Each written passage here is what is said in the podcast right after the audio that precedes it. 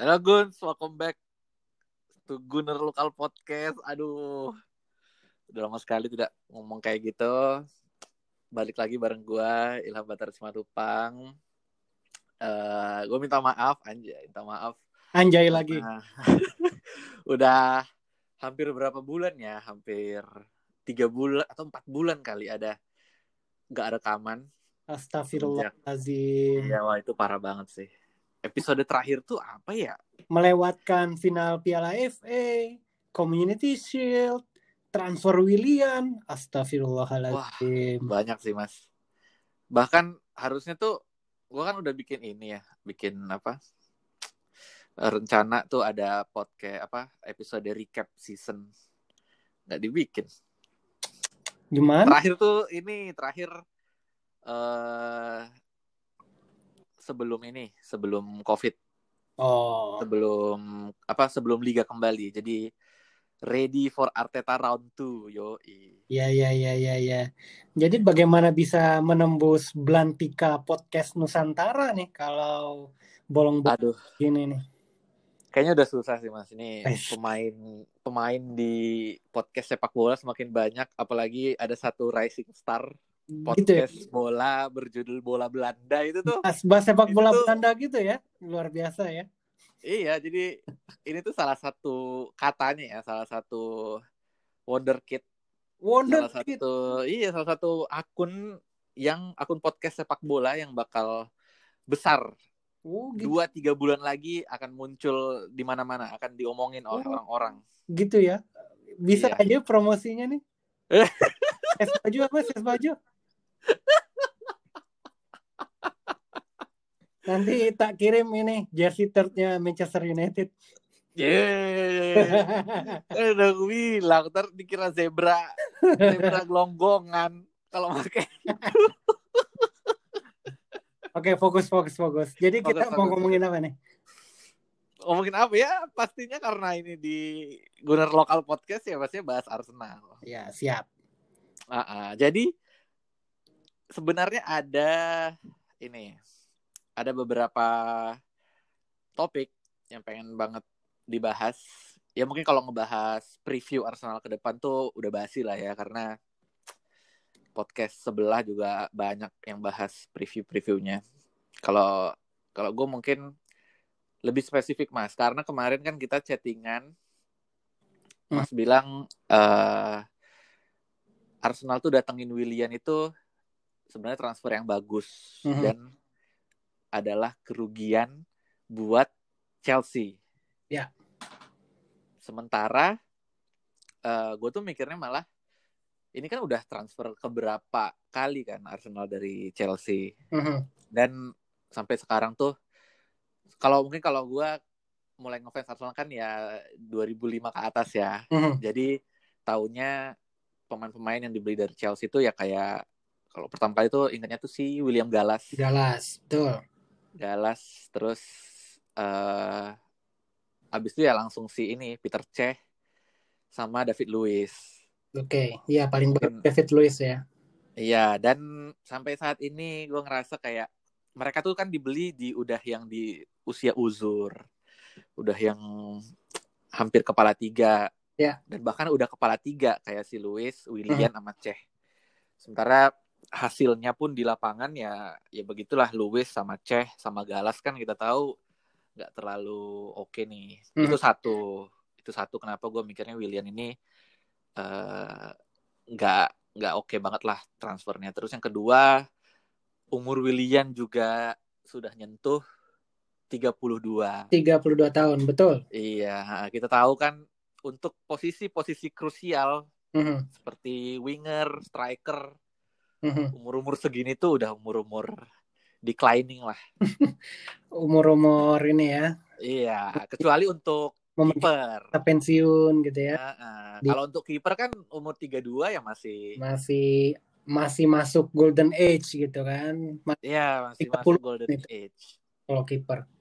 Uh, uh. Cuman ini tunggu ini kita kasih tahu dulu. Ini chattingan ini tuh terjadi sebelum William bikin Tiga asis. Tiga asis. Lawan belum, Ya lawan Fulham sebelum Willian bikin tiga assist. Meskipun dia bikin tiga assist ya, gue juga masih gak ini sih, gak terlalu belum terlalu iya. impress yeah. juga. Uh, apa dengan transfernya William ke Arsenal. Nah ini gue mau jadi, nanya. Jadi setelah tiga assist pun belum terlalu yakin dengan William.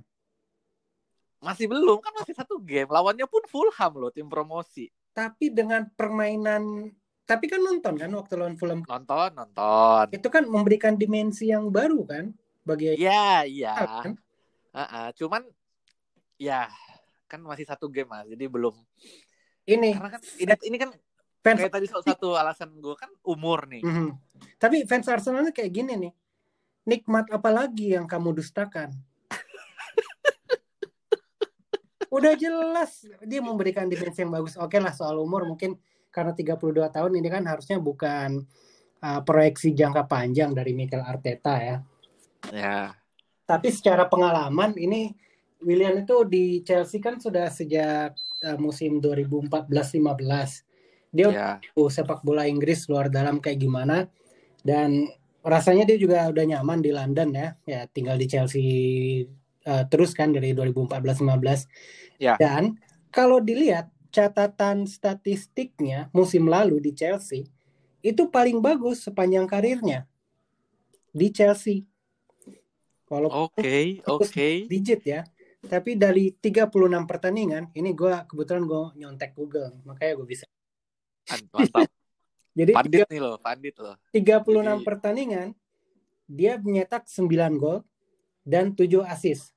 Jadi kontribusi terhadap 16 gol Chelsea musim lalu mungkin nggak terlalu banyak seperti Eden Hazard. Tapi yeah. ini catatan terbaik William sejak membela Chelsea. Dan kalau kita lihat saya sih gue sih waktu nonton Chelsea lawan City itu itu bintangnya William. Memang Pulisic yang beberapa kali melakukan apa uh, sprint ya dan yeah. kayaknya nyetak gol pertama kan Pulisic kan. Iya benar. Tapi William yang yang apa ya, yang jadi jiwanya Chelsea, yang jadi jadi ininya, or orkestranya. Yang memberikan apa ya, sentuhan kreatif Chelsea itu sebenarnya William. Oke. Okay. Kenapa Chelsea kalah di final Piala FA dari Arsenal? Karena William nggak main kan sama sekali kan? Iya, William nggak main. Nah, mainnya Pulisic sama Odoi. Itu, itulah salah satu alasan bukan salah satu alasan ya salah satu apa yang gue lihat dari William. Sebenarnya dia walaupun usianya sudah sudah lewat dari 30 tahun tapi kreativitasnya tuh masih masih oke okay, masih oke okay banget Ham. Ya kalau ya sebenarnya sih kalau untuk kalau pas ngeliat lawan Fulham memang mulai dari dribble terus juga pemosisian apa ya eh positioningnya ya. itu oke okay sih. Dan itu kan debutnya juga bareng Arsenal. Yeah. Cuman ya itu aja sih. Gue gue tuh nganggap satu pemain tuh oke, okay. apalagi pemain baru ya kalau dia bisa konsisten lah. Kalau emang dia bisa konsisten kayak gitu ya. Betul. Ya berarti uh, dugaan gue salah. Ya. Dan ini... mungkin mungkin ini juga sih ya. Um, apa ya uh, peran atau posisi yang diberikan Arteta ya ke William ya. Hmm. Dia kan mainnya di sayap ya. Ya kanan di sayap kanan dengan bukan bukan di nomor 10 gitu dan bukan juga box to box dan ini mungkin yang jadi uh, kunci juga ya untuk hmm. jaga kondisi fisiknya William. Toh memang dia nggak main 90 menit kan lawan Fulham kan diganti kan? Iya benar. Ya. Memang mungkin mungkin mungkin apa ya? Mungkin tidak akan konsisten week to week dia tampil 90 menit, memberi gol, memberi assist tapi seenggaknya ini ya itu tadi seperti Chelsea yang rasakan musim lalu, William hmm. memberikan dimensi kreatif bagi Arsenal dan beruntunglah Arsenal musim ini. Beruntung beruntung ya. Beruntung. Oke oke oke oke oke. Yang bagus sih, pemain pengalaman sih. Dan sekarang masih ingat Mesut Ozil. Kenapa dia? Masih ingat nggak? Nggak kan? Setelah ada William ngasih tiga assist kan udah kan kita mulai oh iya ya. Uh, uh, uh di Twitter ada yang bilang uh, apa jadi dia nge-tweet tentang William tapi hashtagnya pakai hashtagnya Ozilia Gunners ya Iya iya iya.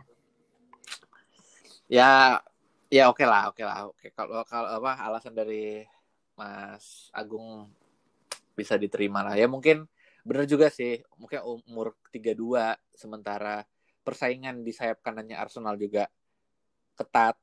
Ya. Pasti nggak akan terlalu sering main 90 menit. Sama ya si Williamnya sih menang menang pengalaman bener sih Mas. Ya. Karena kalau lihat sayap kanannya Arsenal tuh cuma ada PP sama Reece Nelson. Ya.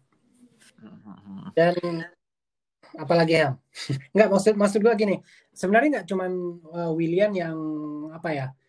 Uh, yang memberi permainan Arsenal sih kalau gue lihat sebenarnya dari paruh musim lalu kan udah kelihatan tuh uh, apalagi setelah setelah break ya setelah break covid Ya. itu Arsenal kan lumayan meningkat ya Iya. Nah, udah ketemu pakemnya pakai tiga Tiga back tiga. back ya tiga empat tiga dan rapi loh mainnya loh waktu yang Rapi, ngalahin bener. Liverpool yang lain lawan yang ngalahin lawan Liverpool gue ingat banget itu nggak kayak tim-tim Inggris pada umumnya gitu yang membabi buta pakai Nah. clearance jauh ke depan tapi ada ada apa ya ada iramanya ada ritmenya di belakang kompak eh, jaga ruang dan ini yang gue bilang di chat itu kan Arsenal nih kuda hitam Eh. untuk perebutan gelar juara musim ini Kuda hitam lu. Protes, mau protes. Ya protes dong. Arsenal memang akan selalu menjadi salah satu tim yang berburu gelar, bukan kuda hitam loh. bukan bukan kuda hitam aja kalau kuda hitam tuh kayak Leeds gitu ya itu kuda hitam ya Ya, ya enggak lah. Leeds jauh lah untuk jadi kuda hitam. Kuda hitam Oke. dia kayak Spurs. Spurs oh boleh nyebut nama itu ya di podcast ini Kalau podcast boleh, karena U-nya kan nggak bisa kita sensor. Gimana? Spe Uh, susah, susah, susah. Ya, ya, ya. Atau Leicester. Leicester kan eh, musim lalu lumayan kan masuk top 6 Ya. juga. Mhm. Itu kuda hitam. Kalau Arsenal jangan dong, Mas. Meskipun musim lalu peringkat 8 ya. Mhm. Ya. Tapi Ya. emang bener-bener Mas, yang yang apa ya? Kita kan juga nggak apa ya? Gue juga nggak tahu ya apa kenapa tiba-tiba Arsenal bisa padu gini. Karena kan nggak ada ininya juga, nggak ada eh dibocoran sama Arteta juga. Mhm. Jadi ngelihat kalau zaman Emery sebenarnya main kayak gini, main yang build up dari belakang gini, Mhm. itu kan udah dari zaman Emery kan. Tapi ya pas zaman Emery bobrok banget. ya karena pemainnya nggak ngerti apa yang Emery omongin Bisa jadi good evening good evening. Jadi kayak eh ini tuh apa ya? eh journey untuk mendap apa ya? Untuk bermain seperti saat ini tuh Arsenal memang udah dimulai dari musimnya si Emery sih, musim pertamanya Emery. Ya. Karena mungkin bisa jadi juga kalau memang kalau si Emery itu nggak pernah ngelatih Arsenal dan membawa eh, gaya permainan yang bila dari belakang ya bisa Mhm. jadi juga Arteta nggak main kayak gitu karena waktu Mhm. waktu di apa ya di waktu dia jadi asistennya Pep pun Mhm. Pep kan nggak terlalu sering main yang kayak gitu kan mas. Eh, beda sih dengan Pep ya kalau iya beda ha. cenderungan taktiknya Pep itu kan adalah mengendalikan permainan. Sementara kan si Arteta ini em, apa ya lebih fleksibel dia. Dia Iya. oke lah dia perlu dia mengendalikan permainan tapi dia tahu apa yang harus dilakukan. Ya contohnya waktu lawan Liverpool itu sih. Walaupun pertandingannya mungkin nggak menentukan ya karena Liverpool kan sudah pasti juara ya. Hmm, hmm, Tapi hmm. cara main Arsenal dan Arsenal tetap memburu kemenangan dan pada akhirnya memang berhasil menang Iya. itu ya sesuatu poin lebih sih buat Arteta dan ya terus terang gue ini sih em, apa ya impress sih dengan gaya main uh, Arteta ya nggak Hmm. terlalu menonjol nggak terlalu kelihatan sophisticated Yes. gitu kayak Leeds kemarin yang man to man marking abis gitu terus yang main uh, bola-bola diagonal enggak tapi Arsenal yang Arteta ini lebih simpel lebih jalan lebih lebih lebih memahami mungkin ya para pemainnya ya Iya. ya ya ya makanya ya itu tadi balik lagi Arsenal salah satu kuda hitam. kuda hitam. Dan kalau ini ya mas, kalau emang karena harus di bu, diuji lagi, Ham. Nanti nanti Iya sih, lihat. benar benar. Karena eranya sudah berubah ya, bukan era Wenger lagi sekarang. Kenapa? Kalau dulu era Wenger gimana tuh ceritanya Om? Ya kalau era Wenger kan ya itu tadi. Ya ini jujur-jujuran lah. Kalau era Wenger kan emang selalu jadi kandidat gitu ya. Iya jadi kandidat. Karena kan itu tadi ya ya maksudnya reputasinya Arsenal adalah dan yang membawa reputasi itu kan si Wengernya ini kan ya. era baru mm-hmm. bener sih ya saya sebenarnya setuju sama itu kemarin tadi tuh gimmick doang biar oh, biar gitu. ada drama kesannya itu ya kesannya ada uh-uh. perbedaan ini ya tapi kalau ini mas kalau mas ngikutin kalau mhm. ngikutin mm-hmm. dari zaman Wenger yang 2010 ke atas mm-hmm kerasa banget sih bedanya. Karena kan waktu zaman Wenger bener-bener hmm. ini kan mainnya tuh uh, eh, 2010 ke atas ya. Kalau 2010 ke bawah hmm. saya juga itu belum terlalu sering nonton bola, nonton Arsenal. Jadi... Karena siaran TV belum sampai ke kamu. Jangan dikasih tahu dong. Loh itu kan kenyataan. Dan dan Bung mengakui sendiri kan. Udah, udah itu pokoknya nih balik lagi nih balik lagi ke topik iya iya iya ya, siap jadi kan kalau zaman era Wenger 2010 ke atas kan benar-benar main kayak apa ya jadi uh, ball possession ya kombinasi umpan satu ya. dua cepat uh, apa ya bahkan dibilang kayak tiki takanya Liga Inggris lah mm -hmm. meskipun nggak yeah. nggak sama banget kayak yang Barcelona mm -hmm. jadi pas nonton Wenger apa eranya Wenger 2010 ke atas dengan uh, yang sekarang ketika Wenger mm-hmm. udah pergi itu tuh meskipun masih ya bobroknya juga ya nggak nggak jauh beda ya cuman gaya main yang ngelihat Arsenal main yang sekarang tuh kalau menurut saya lebih senang mm-hmm. ngelihat yang sekarang sih yang sekarang yang dia kalau sekarang mm-hmm. kan nggak terlalu memusingkan ball possession ya yeah. jadi lu sekali dapat bola uh, yeah. main di belakang umpannya yeah. umpan tuh uh, apa ya serangan Arsenal tuh kalau ngelihat dari ketika Arteta sama ya bahkan dari mulai Emery sih Emery sama Arteta udah in charge mm -hmm. jarang banget mulai serangan tuh dari bagian tengah mm -hmm. selalu tuh dari bagian sayap kiri atau kanan kiri atau kanan bahkan mm -hmm. kalau Mas lihat karena kemarin sempat viral tuh uh, golnya Auba versus Liverpool yeah. sama versus Fulham identik sama. ya identik banget kan itu kan dimulai sama-sama dari sayap tuh dari Bellerin mm -hmm. nah itu uh, apa ya kalau di compare dengan uh, waktu zamannya si Wenger kan hmm. emang apa ya dua-duanya mungkin sama-sama pengen main indah lah bisa dibilang ya yeah. cuman satu indahnya dengan uh, keeping hmm. the ball satu lagi ya hmm. dengan uh, serangan cepat yang uh, dimulai dari belakang gitu hmm. itu menurut mas karena emang yeah perbedaan zaman jadi ya sekarang makin banyak strategi makin banyak cara untuk nyetak gol atau emang apa ya atau emang Wengernya terlalu memaksakan untuk bermain ball position seperti itu di Liga Inggris? Mungkin materi pemain sih. Oh materi pemain um, kalau dari sekarang ya dulu Wenger juga bisa bermain itu. Mungkin kalau di akhir-akhir periode kepelatihannya ya dia udah kehabisan plan kan. Dia cuman sepertinya taktik Wenger itu itu aja. Yeah, dan yeah, dia cuman yeah, dia cuma tahu taktik yang hanya yang mungkin hanya bisa dimainkan kalau Arsenal tuh punya pemain kayak Henry kayak Rosicki kayak Lab dan lain-lain lah gitu. Pemain-pemain kreatif yang punya apa ya uh, sentuhan pertama yang bagus umpan-umpan yang uh, akurat yang jeli gitu ya. Tapi pada perkembangannya kan dengan uh, perkembangan sepak bola dan juga dengan um, ya perkembangan sepak bola terutama industri ya.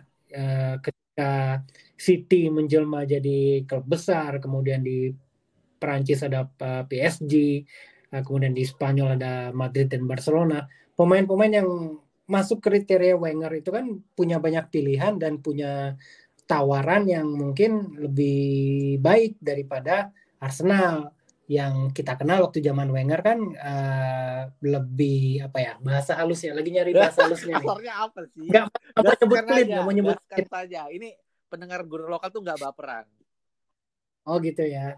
Ya yang itulah yang perhitungan lah gitu kan untuk transfer pemain kan. Jadi pemain-pemain kreatif itu kebanyakan nyarinya yang klub-klub besar. Kayak iya. Contohnya mungkin David Silva gitu kan ke City karena eh, mungkin gajinya lebih tinggi di sana dan lain-lain. Ya bukan berarti David Silva pernah diincar Arsenal atau gimana, ya, tapi salah satu ini aja Mhm. eh, ilustrasi. Iya, iya, penggambaran lah. Dan sekarang kan eh, Arsenal sebenarnya mendapatkan Mesut Ozil, eh, pemain kreatif yang diharapkan bisa mengembalikan apa ya semangat ala eranya Wenger. Cuman pada kenyataannya kan nggak seperti itu. Iya, benar. Dan komposisi yang ada eh ya Arteta sih jeli sih kalau dipaksa main terus kayak zaman Wenger main satu sentuhan apa ya, yang cepat Aha. gitu. Mereka nggak punya pemain yang bisa ber, ber apa ya, yang kapabilitas mainnya nggak belum belum sampai situ gitu. Hmm. Ya itu. Jadi harus harus menyesuaikan dengan materi pemain dengan dengan dengan ya dengan komposisi yang ada sih Ham. Dan eh, gue rasa Arteta sudah cukup berhasil kok dengan bayangin loh back back Arsenal saat ini siapa sih gitu yang ya sebelum Gabriel masuk ya Gabriel Magalhaes yang langsung cetak kemarin Ya, iya. tapi Rob Holding gitu Ah, parah sih David Luiz. Kieran Tierney Kieran bahkan jadi back back tengah kan Iya, di iya. formasi tiga empat tiga gitu kan. Ya bisa dibilang kan bukan materi yang eh, apa ya yang kayak Liverpool misalnya ada Virgil van Dijk atau City baru beli Nathan Eki dan lain-lain lah ya. Tapi tapi bisa membentuk pertahanan yang lumayan ini sih lumayan rapi. Balik lagi sih. Materi pemain ya, Mungkin- ya. Dan ya mungkin Arsenal melihat bahwa kekuatan Arsenal itu lebih ke gelandang bertahannya sebenarnya. Kayak si El Neni dan si Saka. Iya, Shaka tuh jadi salah Ya satu orang eh, pemain yang katanya improvementnya dipercaya. Ya kunci taktiknya Arteta Iya, kan? benar, benar. Iya mungkin karena dia ngeliat wah nih sebenarnya gue oke lah gue nggak punya gue nggak punya back yang bagus nih tapi gue punya dua gelandang yang napas kuda gitu. Yang box to box terus. Hmm. Makanya dia percaya si El Neni sama si Saka yang jadi pivot kan double pivot Iya, kan double pivot benar. karena gak gampang main eh, empat empat gelandang gitu karena dua gelandang tengahnya itu harus harus saling mengcover gitu Hmm. mengcover saat bertahan maupun saat menyerang gitu dan dan ya Saka dan El Neni main oke sih Shaka juga ini sih Mas. Kita kan tahu waktu dia dilatih sama Emery kan benar-benar mainnya tuh amburadul terus benar-benar apa ya kayak worst of his season di, di Arsenal lah selama dia di Arsenal. Mhm. Cuman entah bagaimana si Arteta ini tuh apa ya mentransformasi si Shaka tuh benar-benar jadi bukan cuman ngembaliin performanya dia tapi juga ngejadiin dia itu tadi yang Mas bilang. Jadi eh, kunci untuk eh, ngebantu Mhm. pertahanan Arsenal yang emang Ya. tidak optimal itu tadi. Iya. Heeh. dan sebenarnya kan gak cuma Saka yang menikmati eh, tangan dinginnya Arteta kan David Luiz juga secara mengejutkan juga Iya, lumayan ya. oke kan David Luiz, iya benar. Heeh. David Iya, Luiz iya. juga improve. ya kan Ya. sebentar alarm dari sini nih maaf maaf nah lanjutkan Ham iya David Luiz jadi jadi bagus dia eh, sebagai apa kemampuan ball playing defendernya yang dimanfaatkan oleh si Arteta. Arteta kan Hmm. Mm-mm. dan dan walaupun di awal-awal sempat ya David Luiz ya ya, ya Sampai sekarang sih, melakukan sampai bu- sekarang tuh tetap ada orang-orang yang oke seperti itu. Lah gitu. tapi ya ya jadi andalan sih jadi dipercaya oleh Arteta terus menerus. Berarti kalau Mas lihat, eh, kalau kalau yang gue lihat kan emang beberapa kali gue baca interview player, terus juga ada eh apa namanya video yang dirilis sama si official Arsenal tuh Hmm. beberapa kali Mhm. kayak si Shaka terus Maitland Niles Auba juga Mhm. bahkan Mhm. si Tierney mereka tuh bilang kalau Mhm. datangnya Arteta tuh benar-benar ngerubah suasana tim tim jadi lebih percaya diri ruang ganti juga jadi Mhm. lebih asik Iya. Uh, semua pemain terlihat Iya. jadi apa ya lapar lagi Iya. nah kan kita tahu kan uh, banyak pelatih yang cuman kuat di satu sisi banyak gitu kan mas misalnya kayak si Mhm. Iya. ya kayak Mourinho deh dia Mourinho taktik Iya. oke tapi main Cywar lebih oke lagi. tapi main manajemennya eh, kurang. Iya. Eh, sementara ada juga yang kayak Klopp. Klopp juga Klopp bisa Iya. dibilang juga hampir sempurna sih. Dia eh, Hmm. main manajemennya oke, taktiknya juga oke. Nah, gue Hmm. kemarin juga sempat rekaman podcast sama si eh, apa Mas Rio. Dia bilang juga kalau Hmm. si Arteta ini seperti eh, second versionnya dari Jurgen Klopp di mana lo uh, punya pelatih yang tutur katanya uh, baik halus ya kan kalau mas lihat interview Arteta kan dia bener-bener apa ya rambut klimis ngomong tuh nggak yang belak-belakan ngomong tuh uh, bener-bener rapi bener-bener apa ya Cukup. kalau didengar tuh ya enak banget gitu mas Iya, terus iya, juga iya. Dari testimoni-testimoni player kita tahu oh ternyata Arteta ini uh, pelatih yang dekat dengan pemain yang bisa Yeah. nyatuin ruang ganti. Terus juga kalau ngelihat uh, dia di pinggir lapangan kalau nyetak gol uh, passionate lah. Passionate. Uh, terus juga taktiknya juga ternyata turns out juga nggak bisa dibilang Ya. biasa aja. Karena kan kalau Tapi karena kalau selama apa gue lihat selama Ar- Arteta mulai in charge di Arsenal itu tuh dia sempat juga make mulai make empat back. Terus biasanya ganti-ganti strategi ada lah. Jadi kan itu nunjukin kalau dia itu emang selalu ini kan berbenah gitu kan. Oh ternyata strategi ini nggak cocok untuk tim. Maka yang ini Ya. maka yang ini. Sampai akhirnya sekarang eh, strategi yang tiga empat tiga ini kan udah dipakai semenjak covid selesai kemarin. Return of covid. ya, ya. itu baik lagi ke tadi mas. Pertanyaannya menurut mas benar nggak nih si Arteta ini seperti second versionnya dari Klopp jadi yang main manajemen bagus terus juga eh, taktiknya juga oke Kalau menurut gue second versionnya Klopp itu asistennya di Liverpool. Pepin Linders. oh oh asisten yang mbak yang ini ya yang Belanda. Terus nggak nggak gini. On a serious note ya. Hmm. Tahukah Ilham bahwa Arteta dan Emery punya kesamaan? oh apa tuh Sama-sama orang Bas. oh oke oke Tapi kok beda ya pendekatannya ya? Mungkin Arteta sebagai pemain dia pernah ke main di Rangers. oke Dia pernah di Everton, ya lama lah gitu Arsenal. Iya. Jadi dia sudah mengetahui sepak bola Inggris, kultur sepak bola Inggris dan Nah, kemudian dia jadi dia, dia jadi asisten pelatih, dia asisten Pep Guardiola di City kan. ya tiga empat Ya, kalau gue lihat em, Arteta ini apa ya? Kalau Guardiola itu mungkin pada satu titik dia bukan manusia. Dalam arti dia kan banyak tuh orang yang eh, banyak pemain juga yang mengeluh kan. Guardiola ini ngomongnya taktik mulu. Tengah malam jam 2 pagi, jam Iya. 3 pagi saya pernah ditelepon itu ngomongin taktik gitu. Ah. Gila, mau tidur malah ngomongin taktik gitu. Sementara Arteta mungkin yang memberikan keseimbangan ya. Dia bukan dia or, bukan orang gila kerja atau gila filosofi kayak Guardiola, tapi dia dia dia punya tactical plan yang jelas, dia punya em, filosofi yang eh, gaya permainan yang yang yang pegangan lah, gaya gaya gaya bermain pegangannya, tapi dia juga bagus dalam hal main manajemen. Jadi ini paduan lah gitu. Kalau gue lihat paduan yang kayak gini tuh kayak misalnya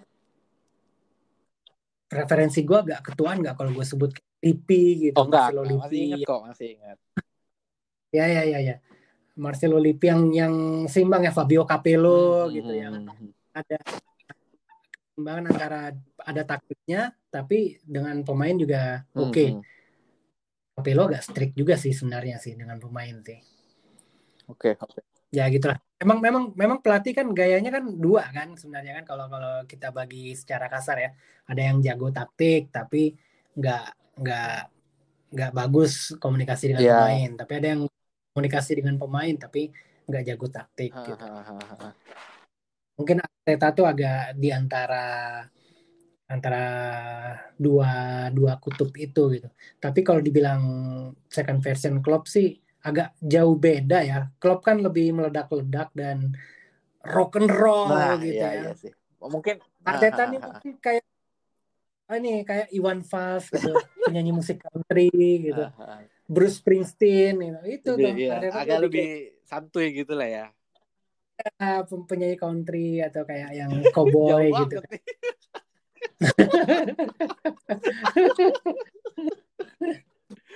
Oke, nah ini mas, uh, ini kita abis ini sebelum bahas yang soal yang terbaru kontraknya Obama yang ini gue mau nanya dulu nih ter uh, terakhir soal Arteta.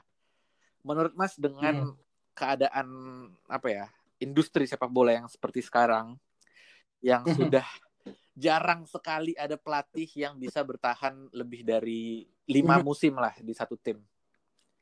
Mhm. Menurut Mas, Arteta ini kalau ngelihat Arsenal yang emang udah terkenal dengan Wengernya yang bikin legacy terus juga bahkan lama banget stay di Arsenal kira-kira yeah. akan terulang lagi nggak yang bisa bertahan sampai dua dekade gitu si Arteta ini di Arsenal dengan keadaan sepak bola dengan industri yang sekarang?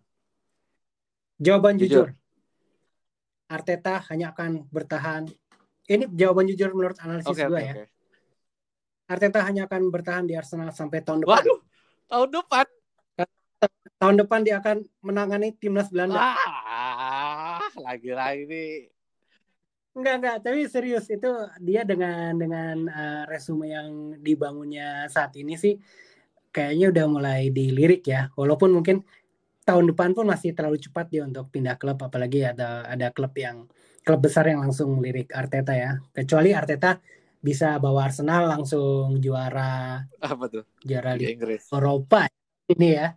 Bukan Liga Champion ya. Jadi kalau Liga Eropa kalau juara Liga Eropa mungkin pindahnya kayak ke mana ya? Ya paling ke Milan gitu ya. Oh Milan mah inilah di ya. downgrade lah. Tapi tapi mungkin dalam lima tahun ke depan gue masih melihat, apalagi usia Arteta kan masih ya, muda, muda banget, 30 muda banget. Perannya masih uh, sangat muda. Jadi dia punya banyak waktu lah untuk untuk jadi ikonnya Arsenal gitu.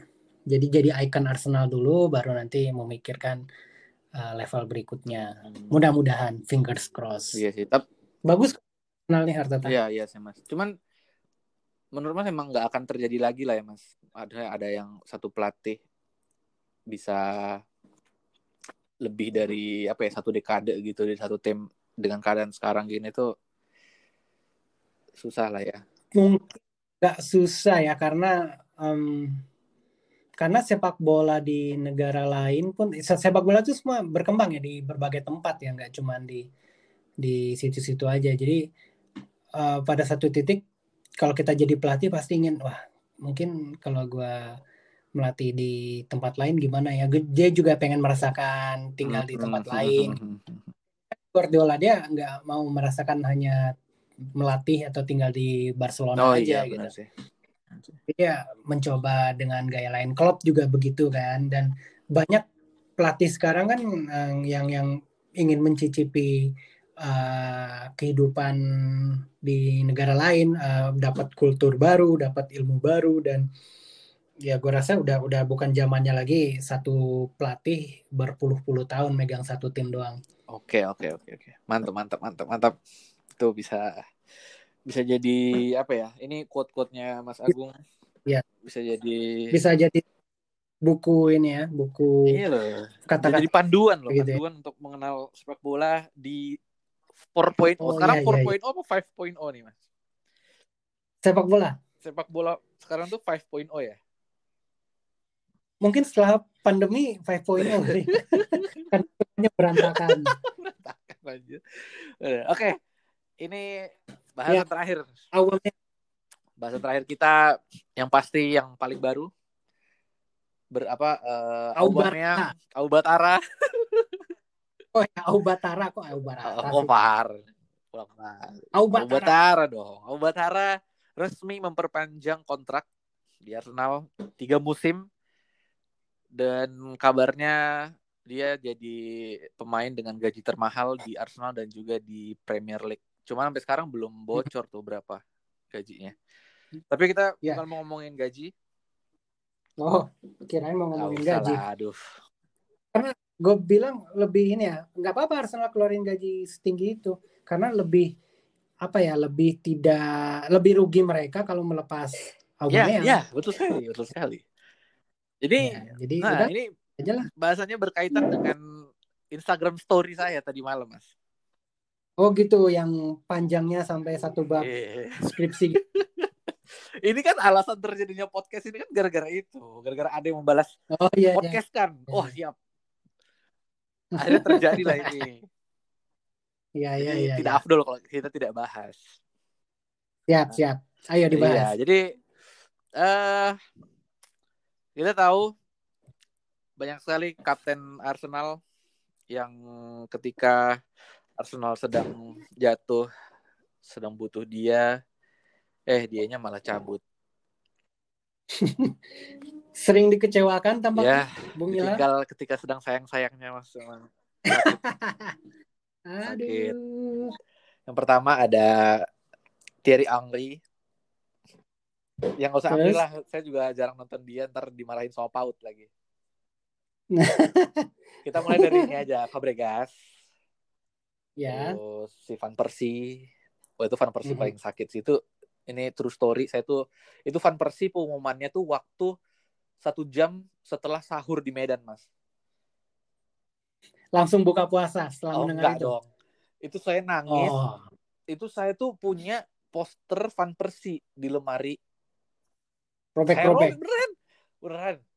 Beneran itu pas lihat Facebook kan dulu masih main Facebook ya. Pengumuman oh, dari ini akunnya Arsenal official sama akunnya MU tuh langsung rame. Van Persie resmi pindah ke MU. Wah itu saya nangis, sedih. Terus saya robek eh, posternya saya robek. Wah itu aduh sedih. banget. Semua kan saya nge-save juga gambar-gambar dia di handphone. Eh. Saya hapus. Saya hapus semua. Oke, berarti apa yang terjadi tadi malam ketika Aubameyang mengumumkan kontrak baru dengan Arsenal? kalau nangis sih enggak lah ya.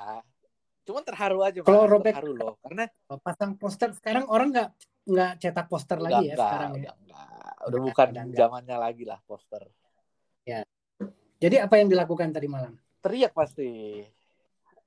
Wah, alhamdulillah dalam hati tuh kayak ini tuh gimana ya? Udah lama banget nggak ada pemain bintang ya, pemain bintang Ya, kelas ya. ya bisa dibilang kelas dunia lah. Kelas Siap. dunia umur udah udah sedang dalam apa ya? Bisa dibilang masih peak lah ya masih ya 31 ya. Ini ini agak bias nih. William 32 dibilang udah mendekati usul. Aubameyang 31 masih dalam usia emas. Saudara-saudara, Gunner Lokal ternyata adalah podcast paling bias. Tahuan dong. Aduh, marah-marah. Ya udah gitu dah. Pokoknya sedang dalam inilah waktu-waktu Iya, iya. yang sedang dalam waktu yang emas gitu loh, Mas. Maksudnya, Mas. Iya juga Iya, ya. iya, iya. Parah banget ilham nih. Nggak jelas. Iya, iya. Tapi ini kabar baik sih buat Arsenal. Iya, karena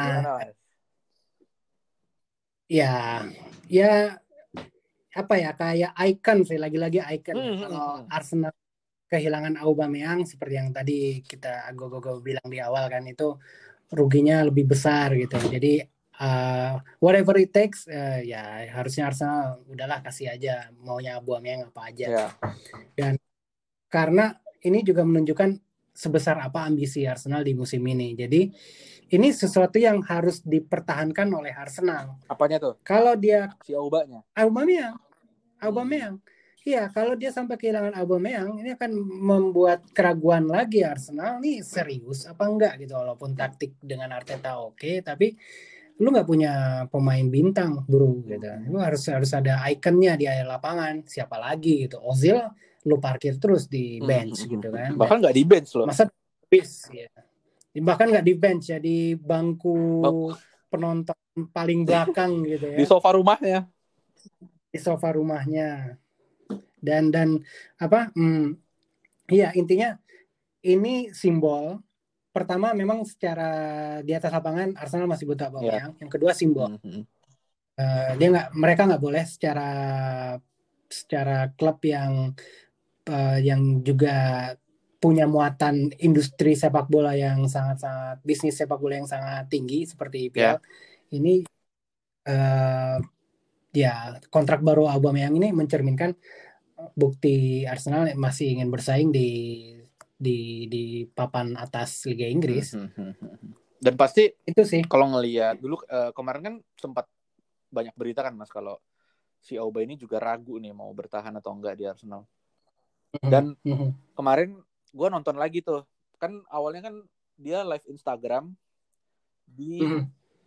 Arsenal akun Arsenal yang Mhm. dia nge-announce kalau dia udah eh, tanda tangan kontrak.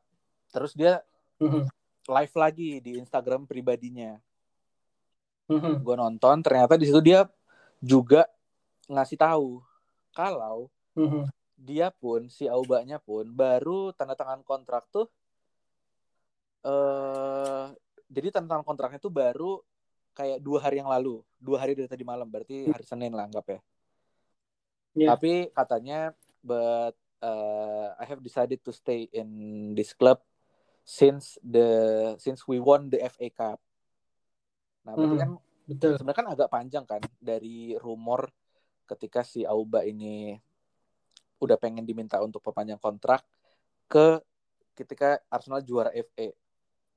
Berarti Ya. kan emang uh, alasan si Aubanya pun mau bertahan ya.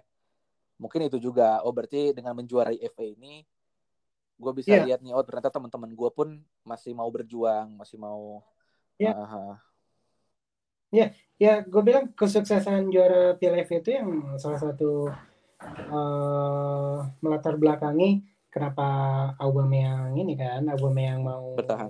perpanjang apalagi kan setelah final kan Arteta juga bilang sendiri kan nggak cuman gelar ini yang jadi kabar baik bagi kurang lebih kayak Iya, gitu kan iya, ngomongnya kan.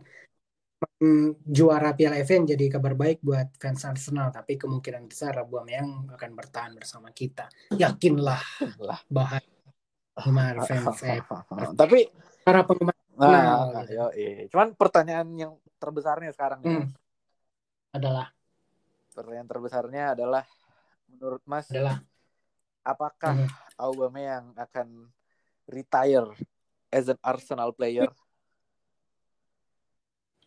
wah wah wah Karena wah. kalau lihat-lihat kontrak tiga Hah? tahun Ya. itu selesai di umur dia yang 34.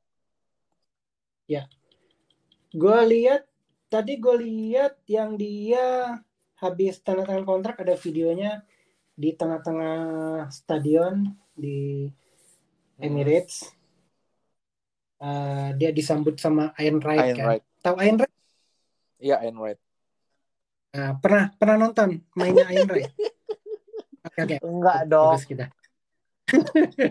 Terus eh, ya dia bilang kan Iron Red, Iron Red, Iron Red kan bilang kan saling memuji gitu kan wah lu udah jadi legenda sekarang gua look up to you tuh Eh, keputusan baik mudah-mudahan lu ngabisin karir di Arsenal Ya. gitu kan itu pujian apa ya pujian tulus dari Iron Wright dan gue pikir juga semacam apa istilahnya kontrak mati ya. Jadi ya lu dengan umur 31 dan menandatangani kontrak tiga tahun artinya lu berniat untuk menghabiskan sisa sisa karir lo di klub tersebut. Dan gue pikir sih ya ini Aubameyang bisa apa ya sudut kalau kalau kalau gue jadi Aubameyang dengan dengan malam ini setelah gue menandatangani kontrak, gue akan berpikir bahwa sekarang gue harus ninggalin legasi yang bagus untuk Arsenal. Gue kapten klub Ya. sekarang dan gue baru perpanjang kontrak, gue jadi andalan.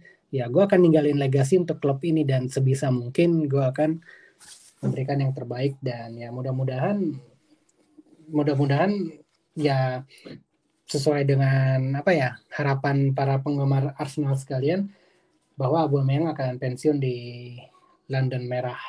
Iya itu itu ini banget sih pasti.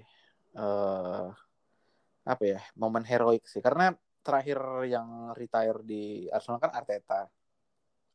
Ya. Cuman kan Arteta kan waktu itu profilnya ya tidak tidak apa Tidak ya beg- Heeh, nggak nggak se Ya. hype Hype. nggak se hype si Auba ini loh mas.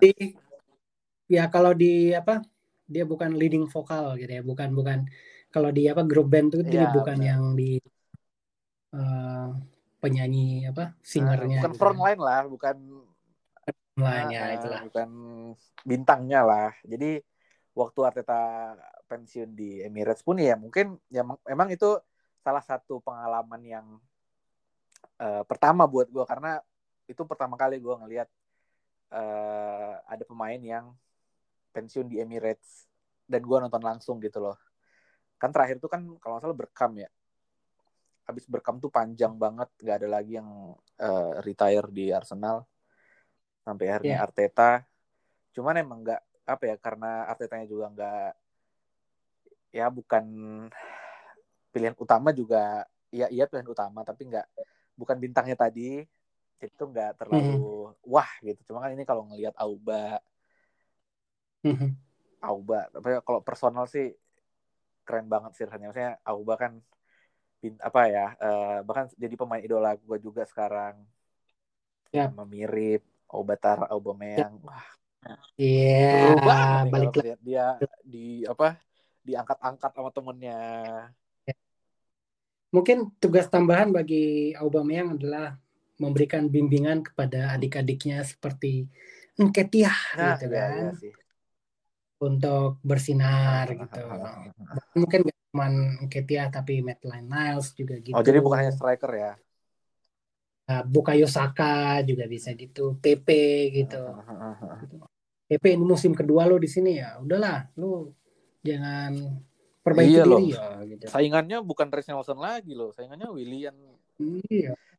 Bukayo Saka lo sekarang, ngeri tuh, wah Saka ngeri sih tenang mas ngeri ya. dia bakal dapat PFA Young Player of the Year musim ini Sakatara. Ya. Ya.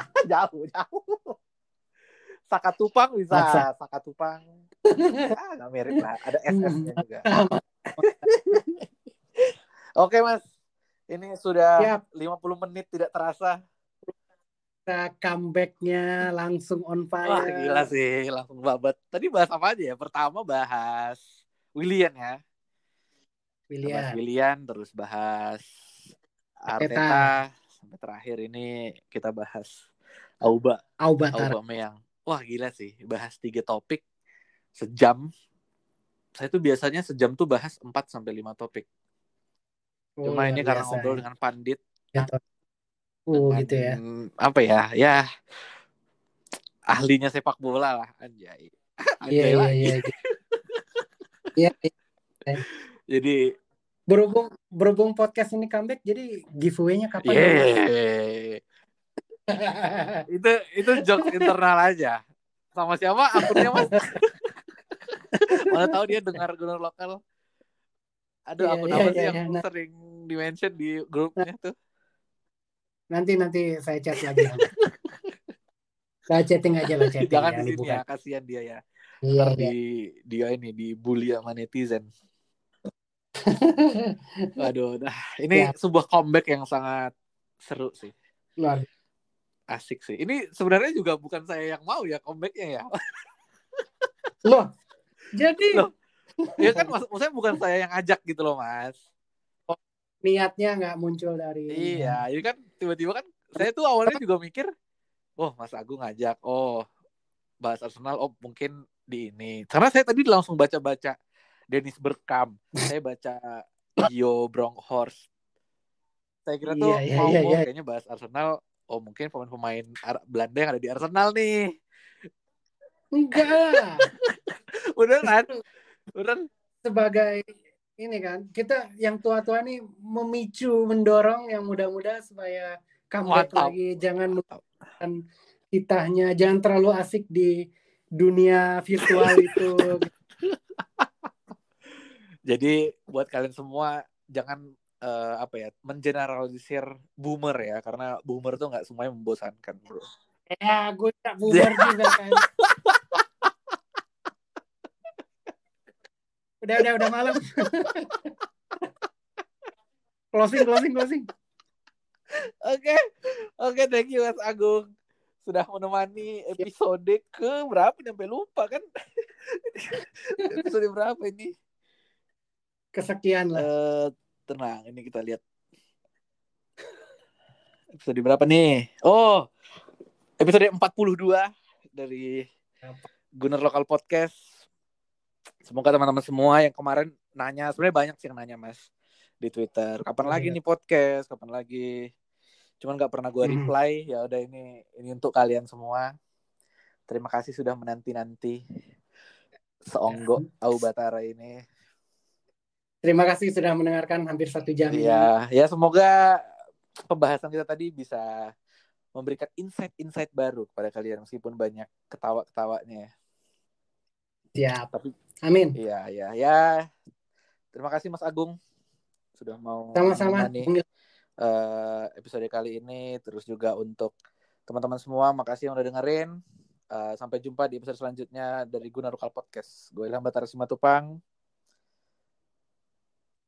Dan Agung Harsya Pamit undur diri. Thank you, Gun. See you in the next episode. Bye-bye.